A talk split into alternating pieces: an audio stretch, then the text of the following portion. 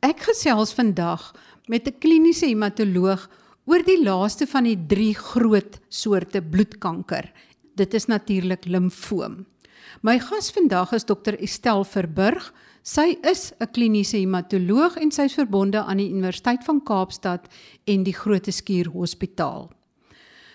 Dokter Verburg, wat is limfoom en hoe werk dit dat die woord limfoom inpas by bloedkanker?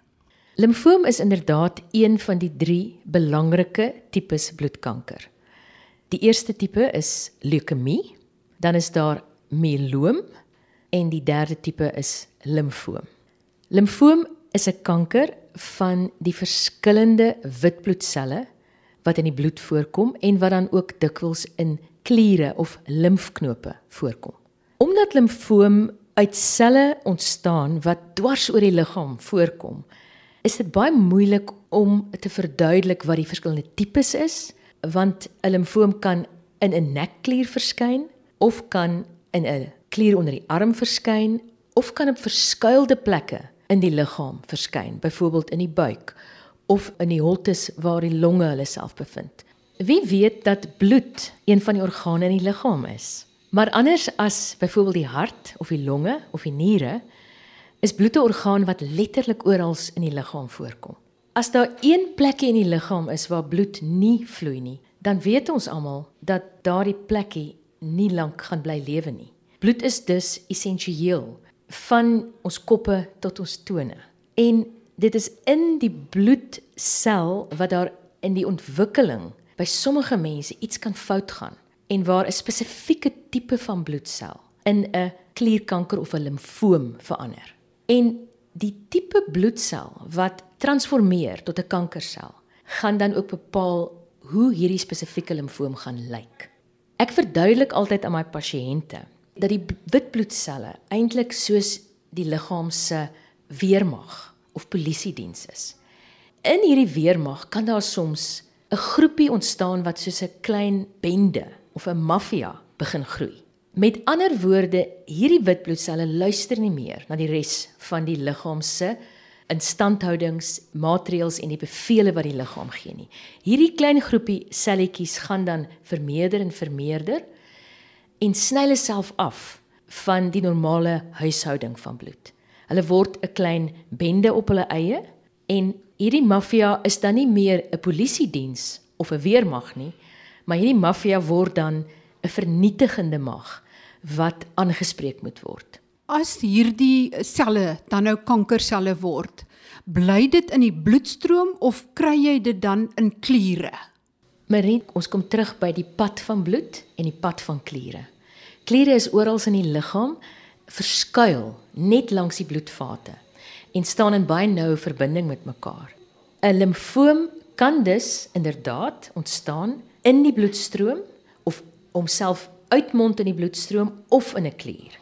Sommige limfome gaan in die beenmerg groei en net in die bloed verskyn. Ander limfome gaan in die beenmerg en in die bloed en in die kliere verskyn en sommige limfome gaan net in kliere groei en gaan met die bloed nie 'n duidelike verband hê nie. Daar kan letterlik 'n veelvoud van verskillende forme van kanker voorkom in limfoom. Met ander woorde 'n limfoom wat letterlik bloedstroomlimfoom is, 'n limfoom wat 'n groot buikmassa is, 'n limfoom wat kleiner kliere in die nek is. 'n Limfoom is duidelik iets wat honderde verskillende tipes en posisies in die liggaam kan voorkom. Is limfoom besig om toe te neem of af te neem? Kom dit meer in Suid-Afrika voor as in die res van die wêreld? Waar staan ons min of meer wat uh, prevalensie betref? Limfoom is 'n belangrike kanker dwars oor die wêreld en ook in Suid-Afrika. Dit val verseker altyd onder die top 10 kankers vir insidensie. En as mens al die verskillende bloedkankers gaan saamtel, dan val dit onder die top 5 van belangrike kankers. En hierdie laaste feit is verseker nie iets wat wyd bekend is nie. Omdat limfoom soveel verskillende name het, word dit soms as verskillende soorte kanker gesien. Ek dink dat Hodgkin 'n naam is wat mense goed ken. En Hodgkin is eintlik 'n kanker met 'n lae insidensie, maar kom in veral in jong mense voor en is baie baie goed geneesbaar. Dit is een van die bes geneesbare kankers in die wêreld. Dan kry ons wat ons noem non-Hodgkin limfome. Daar's 100 verskillende tipes. En hierdie tipe van kankers kan dwars oor die die ouderdom van van mense voorkom, van klein kindertjies tot veral in ouer mense. Die vraag is of limfoom toeneem. Dis moeilik om te sê. Daar is duidelik 'n rol in die verwesterde samelewing van 'n toename in limfoom. Sekere tipes gaan toeneem in sekere industriële gebiede. Die koneksie is nie so duidelik dat mens op enige spesifieke oorsaak kan wys nie. Ons weet wel dat limfoom soms in families voorkom. Ons weet daar is in families 'n subtiele neiging tot sekere kankers. Daar is nie werklik limfome wat voorkom in families tot so 'n mate dat jy dit kan voorspel nie. In Suid-Afrika het ons ook HIV-infeksie en dit is ook 'n oorsaak van 'n groot toename in limfoom en dit is veral in mense met HIV-infeksie dat dit baie moeilik is om limfoom te diagnoseer omdat dit dikwels verwar word met tuberkulose en pasiënte dan nie korrek ondersoek word om behandel te word vir limfoom. Is dit net in HIV pasiënte wat daar verwarring is tussen limfoom en tuberkulose of in ander pasiënte ook? Tuberkulose vervul 'n baie prominente rol in die gesondheidsdiens en is 'n groot gesondheidsprobleem. Dit gaan dikwels gepaard met groot kliere en dit kom dan inderdaad meer dikwels in HIV pasiënte voor. Die probleem is dat die gesondheidsdiens so oorweldig word deur pasiënte met simptome wat soos tuberkulose is, naamlik kliere wat vergroot, pasiënte wat gewig verloor, koors, vermoeidheid wat ons noem konstitusionele simptome dat die klinikus geneig is om as enige pasiënt binne stap in sy kantoor of dit nou 'n HIV positiewe of negatiewe pasiënt is dat die klinikus geneig is om so 'n pasiënt op dieselfde manier te benader en altyd eers te dink aan die tuberkulose wat so iets sou kon veroorsaak. Ons het by Universiteit van Kaapstad baie werk op hierdie gebied gedoen, want dit is vir ons verskriklik belangrik om limfome tydig op te spoor, sowel in mense met HIV as in mense wat nie HIV het nie. Dis ewe belangrik om hierdie mense te diagnoseer. Daarom het ons besluit as die vyand tuberkulose die diagnose van limfoom belemmer, dan moet ons die vyand tuberkulose gaan aanpak op sy eie gebied. Van ons navorsingsprojekte in die voorbye jare het dus gegaan oor die korrekte diagnose van tuberkulose uit 'n klier deur 'n wat ons noem 'n nucleic acid amplification test. Mense sal dit miskien ken as die expert test. Om dit te doen op kliere sodat ons 'n goeie diagnose van tuberkulose kan kry en dan in dieselfde asem dokters bekend te stel aan 'n spreekkamer tegniek om kliere maklik te kan biopteer. Ons het dus so 'n rapid access biopsie kliniek waar ons pasiënte met 'n baie vinnige verwysingstegniek aanlyn na binne bring weekliks sodat ons hulle in die spreekkamer beide die tuberkulose toets kan gee wat net 'n vinnige prikkie is met 'n klein bietjie vloeistof sowel as om 'n biopsie te neem van die klier as ons voel dat dit 'n limfoom kan wees of 'n ander vorm van kanker. Dit word onder lokale verdowing in ons kliniek gedoen en dit is 'n tegniek wat ons in staat gestel het om definitiewe diagnose te gee van tuberkulose, van limfoom en van ander siektes of kankers wat hulle self in die kliere voordoen. Hoekom is dit so belangrik om limfoom te diagnoseer? Het dit 'n groot sterftesyfer as dit nie vroeg gediagnoseer word nie? Waarom is dit belangrik? Die kans dat ons limfoom kan genees, dit noem ons die prognose. So as ons 'n pasiënt met limfoom diagnoseer, dan gaan ons na sekere kenmerke van die limfoom in die pasiënt kyk. Vir elke tipe limfoom is daar dan ook 'n spesifieke stelsel waar ons na 'n stuk of 5 of 6 punte gaan kyk om te besluit watse behandeling ons gaan gee en wat ons kans op sukses is. Die rede dat dit belangrik is om pasiënte vroeg te diagnoseer is dat een van hierdie baie belangrike merkers van uitkoms is inderdaad die stadium waarin die limfoom hom bevind.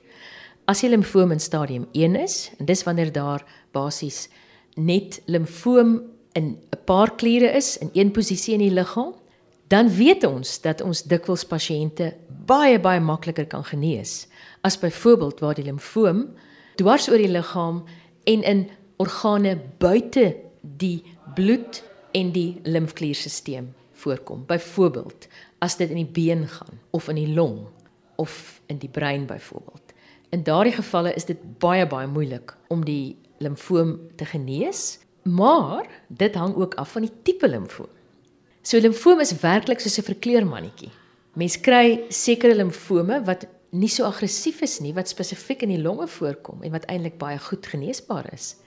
So jy kan nooit 'n limfoom presies vaspen nie, maar wat ons sekerlik weet is dat vir die meer aggressiewe forme van limfoom is 'n vroeë diagnose uiters belangrik, want hoe meer gevorder die limfoom, hoe meer die pasiënt bloedarmoede het, hoe meer die pasiënt al pyn het, hoe meer die limfoom versprei het, hoe moeiliker is dit om te genees. Maar ons vind ook dat elke verskillende limfoom het 'n verskillende genesingskans. En die aggressiewe limfome genees baie goed as hulle tydig opgespoor word. Ons praat van meer as die helfte van pasiënte gaan meestal genees word. En dit is uitstekend. So dis duidelik hoe vroeër hoe beter. En Hodgkin het ek van gepraat en eintlik kan jy deesdae 80 tot 90% van Hodgkin pasiënte genees. Dan het jy ander belangrike tipe van aggressiewe kanker soos byvoorbeeld Burkitt of byvoorbeeld DLBCL, diffuse large B-cell lymphoma. En hierdie kankers kan jy ook genees in omtrent 2/3 van pasiënte. Dit moet wel onderskei word van sekere limfome wat hulle self meer as 'n laaggradige minder aggressiewe limfoom uitdruk. Hierdie limfome is 'n totaal ander storie. Dit gaan nie help om hulle vroeër te diagnoseer nie en ons kan hulle selde genees.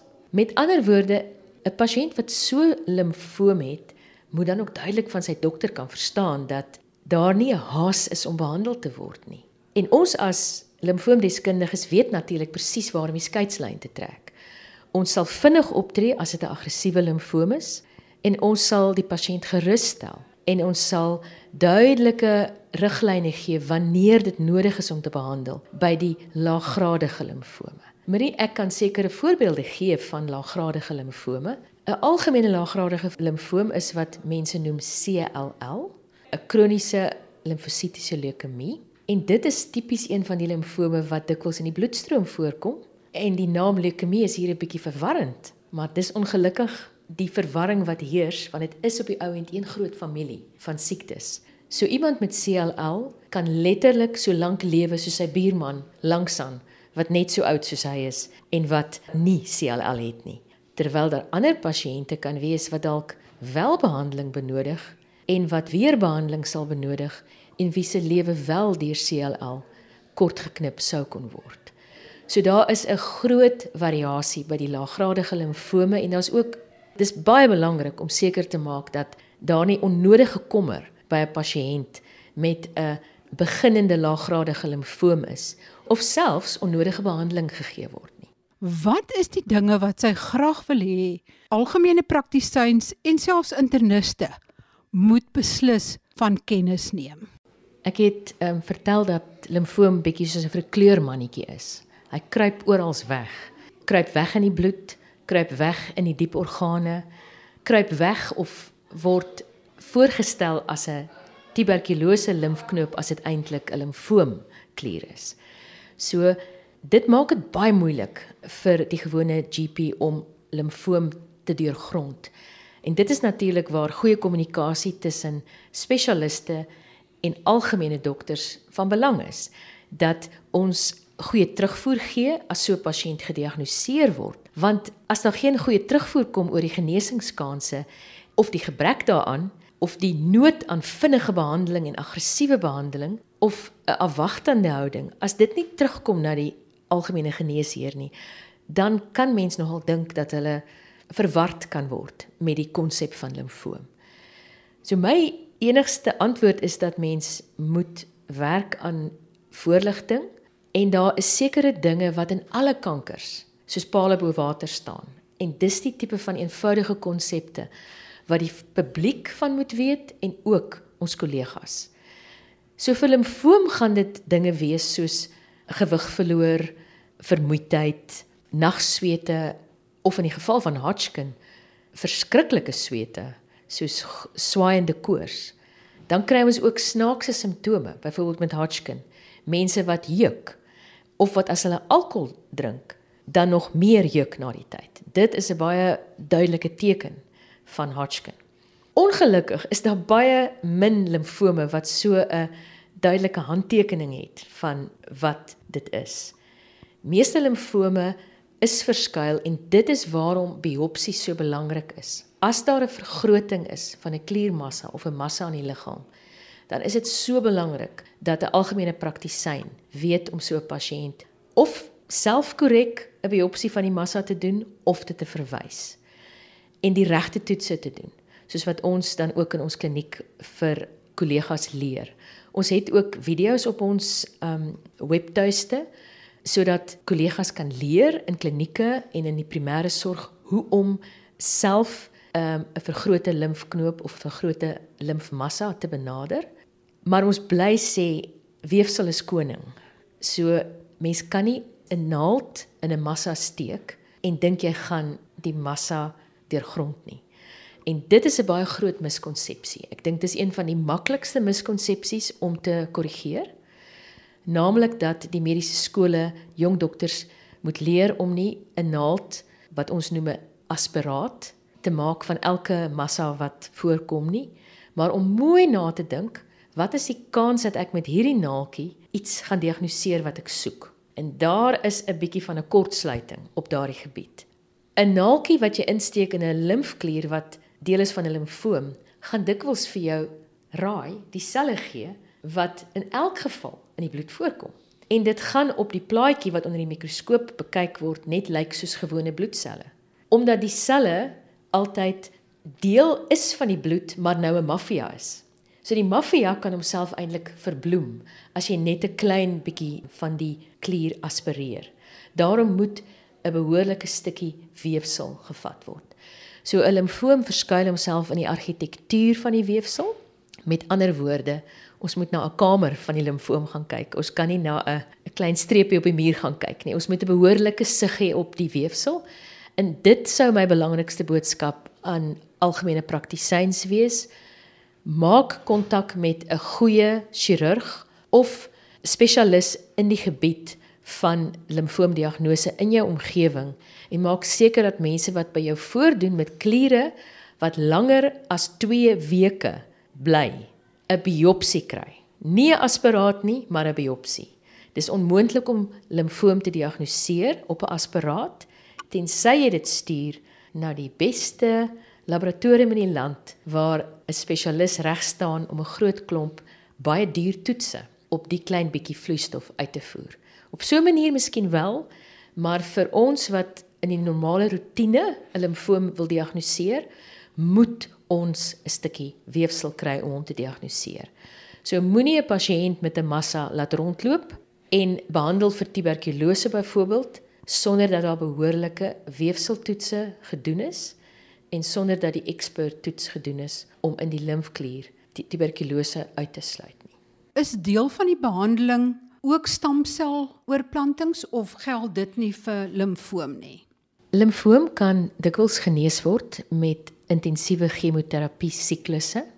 En die rede hoekom ons dit in siklusse gee is omdat die kanker homself verskuil in verskillende fases van die bloedselle. En chemoterapie val net 'n spesifieke fase aan. So ons moet weer en weer en weer siklie van chemoterapie gee sodat die fases op verskillende momente in die verskillende groeipatrone van die kanker aangespreek kan word. Die rede om 'n stamseloorplanting of 'n beenmergoorplanting soos ons dit dikwels noem te gaan doen, kan op twee maniere verklaar word. Dit is soms die korrekte behandeling van 'n limfoom van die begin af. Ons weet dat sommige limfome nie genees met net chemoterapie nie. Vir sulke pasiënte gaan ons van die begin af 'n donor soek of gaan ons van die begin af beplan om die pasiënt met sy eie stamselle oor te plant. Daar's twee forme van oorplanting. Die een is met die eie stamselle wat ons kollekteer met 'n masjien.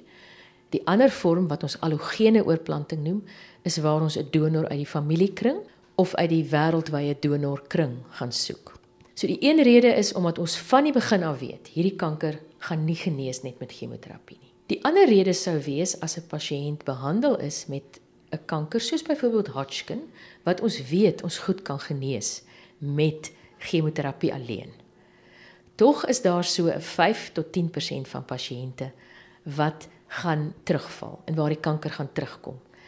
As in so 'n pasiënt die Hodgkin terugkom, dan gaan ons die pasiënt met 'n ander vorm van chemoterapie behandel en ons gaan die eie stamselle kollekteer en so 'n pasiënt oorplant met die eie stamselle. Het julle vorms van chemoterapie verbeter oor die afgelope jare en gebruik julle ook immunoterapie?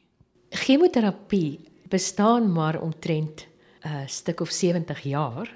Dit het na die Tweede Wêreldoorlog eintlik eers reg posgevat en werklike behoorlike polychemoterapie soos ons dit noem waar ons verskillende middels saam inspann om die maksimum effek te kry is maar slegs vanaf die 70er jare in gebruik.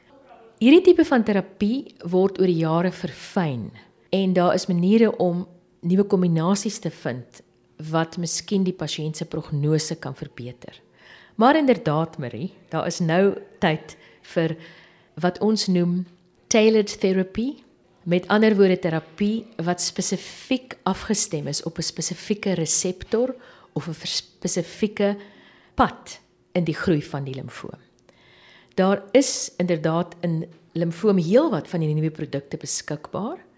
Ek werk in die staat en vir staatspasiënte is die koste soms onmoontlik. Daar is elke jaar enkele nuwe terapieë wat verskyn dwars oor die wêreld wat ongelooflike nuwe effekte het en wat werklik die prognose van pasiënte kan verbeter. Hierdie middels word dan ook ontwikkel om van die probleme van chemoterapie te vermy. Sommige is met ander woorde orale pilletjies wat maklik geneem kan word, medikasie wat minder neeweffekte as chemoterapie het of wat minder langtermyn neeweffekte sou hê. Maar selfs met die nuwe terapie moet ons altyd gaan opweeg teenoor die oues wat is die genesingskans en of daar dalk met die nuwe terapie verskuilde neeweffekte kan wees wat met tyd kan uitkom.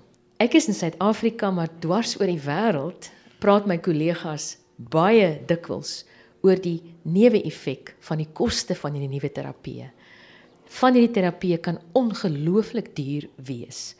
En as mens dink dat jy in sommige van die laaggradige limfome die nuwe of novel drug gaan gebruik miskien vir 10, 20 jaar, kan mens dink dat die koste van hierdie medikasie selfs in Italië, selfs in Amerika net soms nie meer verantwoordbaar is nie. Nietemin, ons is baie bevoorreg in Suid-Afrika om van die beste perde uit hierdie stal te hê. Ongelooflike goeie middels wat vanuit die wêreld in ons land geregistreer word en wat vir die behandeling van limfoom kan gebruik word.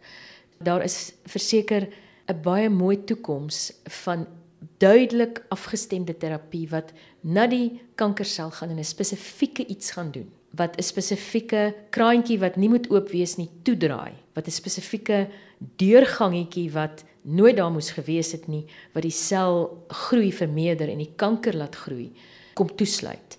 So daar bestaan werklik uitstekende nuwe baie baie fyn toegepaste geneesmiddels wat ons vir kanker kan gee en soos wat tyd aangaan gaan hierdie ook makliker beskikbaar word in beter kombinasies verskyn en gaan hulle ook minder kos. Het iemand wat klierkoors gehad het, Epstein-Barr virus, het so 'n hoër risiko om later in die lewe limfoom op te doen? Dit is verseker 'n onderwerp waaroor baie navorsing gedoen word en daar is geen direkte koneksie nie. Wat het CAR-T-selle te doen met limfoom. CAR-T-sel terapie is op die voorpunt van nuwe metodes om pasiënte wie se kankers glad nie geneesbaar is aan te spreek. Dis 'n terapie met redelik goeie uitkomste. Nie alle pasiënte kan genees word nie, maar dit word veral gebruik in jonger pasiënte wat limfome het wat meer aggressief is of wat meer in die bloedkanker of leukemie tipe voorkom. Dokter Verburg, as jy een belangrike ding kan uitsonder oor limfoom, wat is dit wat jy wil hê luisteraars moet onthou daarvan? Limfoom is 'n algemene kanker en limfoom is 'n goed geneesbare kanker. Limfoom verskyn in die top 10 kankers in sy insidensie as ook in die top 10 by verre in sy genesing. As pasiënte kliere het in hulle nekke of ander plekke in die liggaam wat 2 weke bly langer as 2 weke nie weggaan nie, dan is dit belangrik dat u arts 'n biopsie daarvan moet neem en daaraan aandag moet gee. Limfoom is goed geneesbaar. Dit is 'n verkleurmannetjie. Hy verskuil homself in plekke, maar enige dokter wat rustig die pasiënt benader en die probleme mooi op 'n ry sit, sal 'n limfoom met groot gemak kan diagnoseer of laat diagnoseer deur 'n kollega. Baie dankie aan my gas vandag, professor Estel Verburg, kliniese hematoloog by die Universiteit van Kaapstad en die Groote Skuur Hospitaal en besoek gerus ons webwerf rsg.co.za vir meer agtergrondinligting. Tot volgende week en dan gesels ons oor die Whipple operasie en pankreaskanker. Baie groete van my, Marie Hudson.